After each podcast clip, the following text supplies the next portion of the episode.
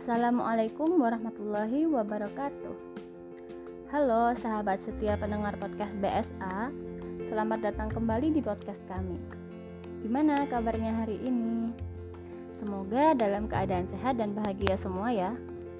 Perkenalkan, aku Sabita. Beberapa waktu lalu, aku habis baca-baca jurnal seputar salah satu wali songo, Maulana Malik Ibrahim. Dan nemuin satu hal yang menarik Ternyata ada juga teori kedatangan Islam di Indonesia yang berasal dari Yaman dan diawali oleh kedatangan rombongan Bani Alawi. Ini jarang banget sih aku dengar dari dulu sampai sekarang. Jadi buat aku ini adalah satu hal dan ilmu baru. Karena sebelum-sebelumnya aku belum pernah dengar tentang penjelasan itu. Ada yang sama nggak sih sama aku? Kalau iya pas banget nih. Pada kesempatan kali ini kita akan mengupasnya bareng-bareng dari apa yang sudah aku dapat dari bacaan-bacaan lainnya. Penyebaran Islam keluar Jazirah Arab dimulai sejak dua dekade dari awal dakwah Nabi Muhammad Shallallahu Alaihi Wasallam yang kemudian berkembang dengan pesat. Kawasan Asia dan Afrika adalah wilayah paling dominan.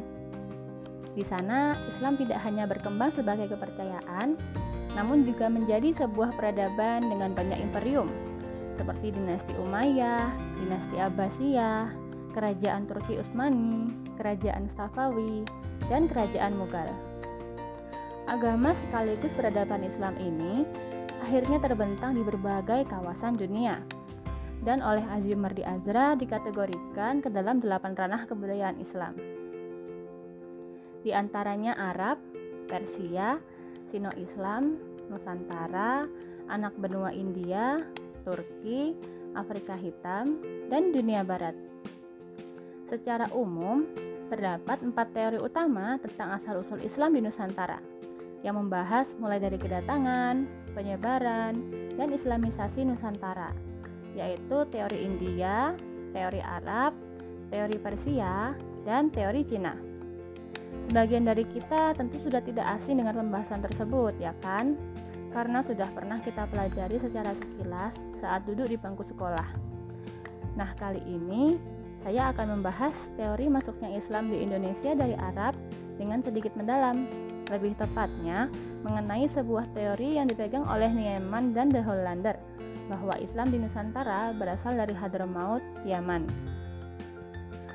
Sebagian ahli Indonesia setuju dengan teori yang menjelaskan datangnya Islam di Nusantara langsung dari Arabia pada abad ke-7 Masehi. Argumen seputar teori ini selaras dengan narasi historiografi lokal tentang islamisasi di dunia mereka yang sering bercampur dengan mitos dan legenda. Contohnya Hikayat Habib Husin Al-Qadri dan lain-lain. Azyumardi Azra menjelaskan bahwa historiografi klasik tersebut berisi empat tema pokok. Pertama, Islam dibawa langsung dari Arab. Kedua, Islam diperkenalkan oleh para guru dan penyair profesional yang bermaksud menyebarkan Islam.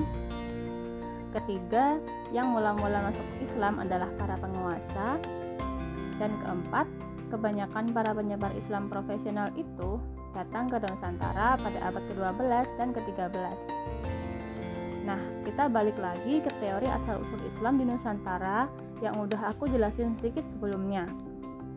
Selain keempat teori utama tersebut, setidaknya ada dua teori akomodasi yang juga dipertimbangkan, yaitu teori mata air dan rempah-rempah.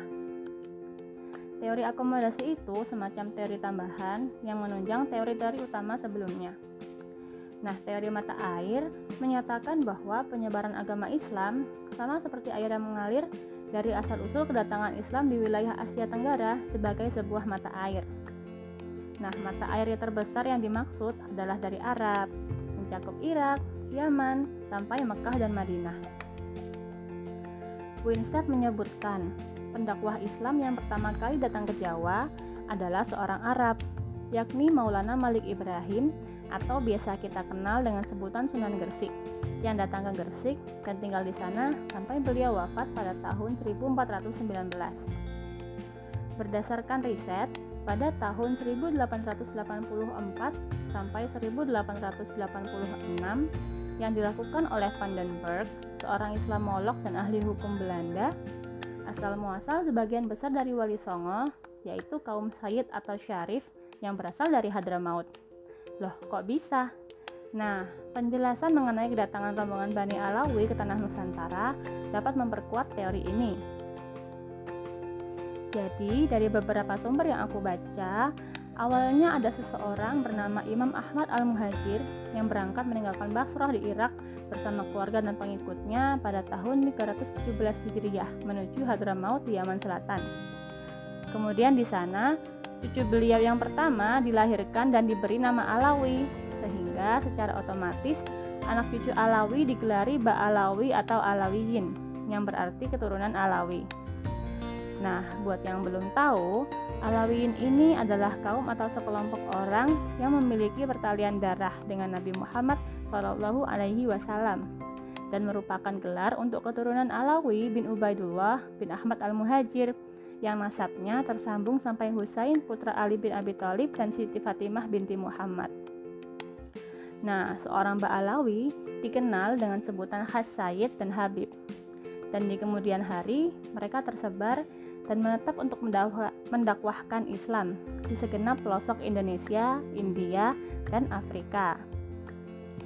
Muhammad Al-Bakir dalam bukunya Torikoh Menuju Kebahagiaan juga mendukung bahwa Wali Songo adalah keturunan Hadramaut.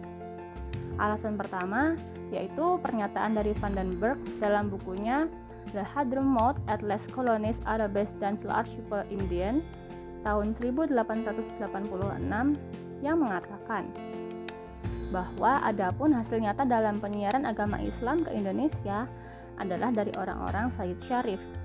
Dengan perantaraan mereka, agama Islam tersiar di antara raja-raja Hindu di Jawa dan lainnya.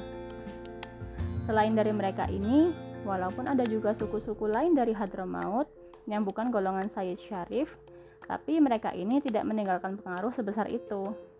Hal ini disebabkan karena mereka, yaitu kaum Sayyid Syarif, adalah keturunan dari tokoh pembawa Islam. Tak lain tak bukan adalah Nabi kita, Nabi Muhammad SAW.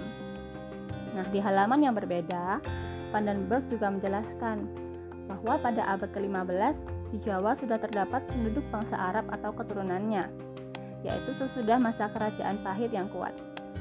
Orang-orang Arab bercampur gaul dengan penduduk dan sebagian mereka mempunyai jabatan-jabatan tinggi. Mereka terikat dengan pergaulan dan kekeluargaan tingkat atasan. Rupanya pembesar-pembesar Hindu di Kepulauan Hindia telah terpengaruh oleh sifat-sifat keahlian Arab. Oleh karena sebagian besar mereka berketurunan pendiri Islam itu sendiri, yaitu Nabi Muhammad Wasallam.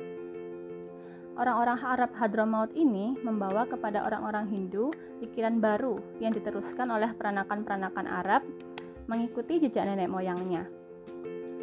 Nah, pernyataan Vandenberg di sini spesifik menyebut abad ke-15 yang merupakan abad spesifik kedatangan atau kelahiran sebagian besar Wali Songo di Pulau Jawa. Abad ini jauh lebih awal dari abad ke-18 yang merupakan saat kedatangan gelombang berikutnya, yaitu kaum Hadramaut pemarga Asegaf, Al-Habsyi, Al-Hadad, Al-Laidrus, Al-Atas, Al-Jufri, Syihab, Syahab, dan lainnya. Alasan kedua, Muhammad Al-Bakir menyebutkan bahwa hingga saat ini umat Islam di Hadramaut sebagian besar bermazhab Syafi'i, sama seperti mayoritas di Sri Lanka, pesisir India Barat, Malaysia, dan Indonesia. Kesamaan dalam pengamalan mazhab Syafi'i bercorak tasawuf dan mengutamakan ahlul bait seperti mengadakan maulid, membaca dibat dan barzanji, beragam sholawat nabi, doa nur nubuah, dan banyak amalan lainnya yang hanya terdapat di Hadramaut mengindikasikan kesamaan sumber yaitu Hadramaut. Karena Hadramaut ini adalah sumber pertama dalam sejarah Islam yang menggabungkan fikih Syafi'i dengan pengamalan tasawuf atau dan atau pengutamaan ahlul bait. Yang ketiga dan terakhir yaitu ditemukan fakta bahwa pada abad ke-15 raja-raja Jawa yang berkerabat dengan Wali Songo seperti Raden Patah dan Pati Unus sama-sama menggunakan gelar Alam Akbar. Gelar ini sering dikenakan oleh keluarga besar Jamaluddin Akbar di Gujarat pada abad ke-14.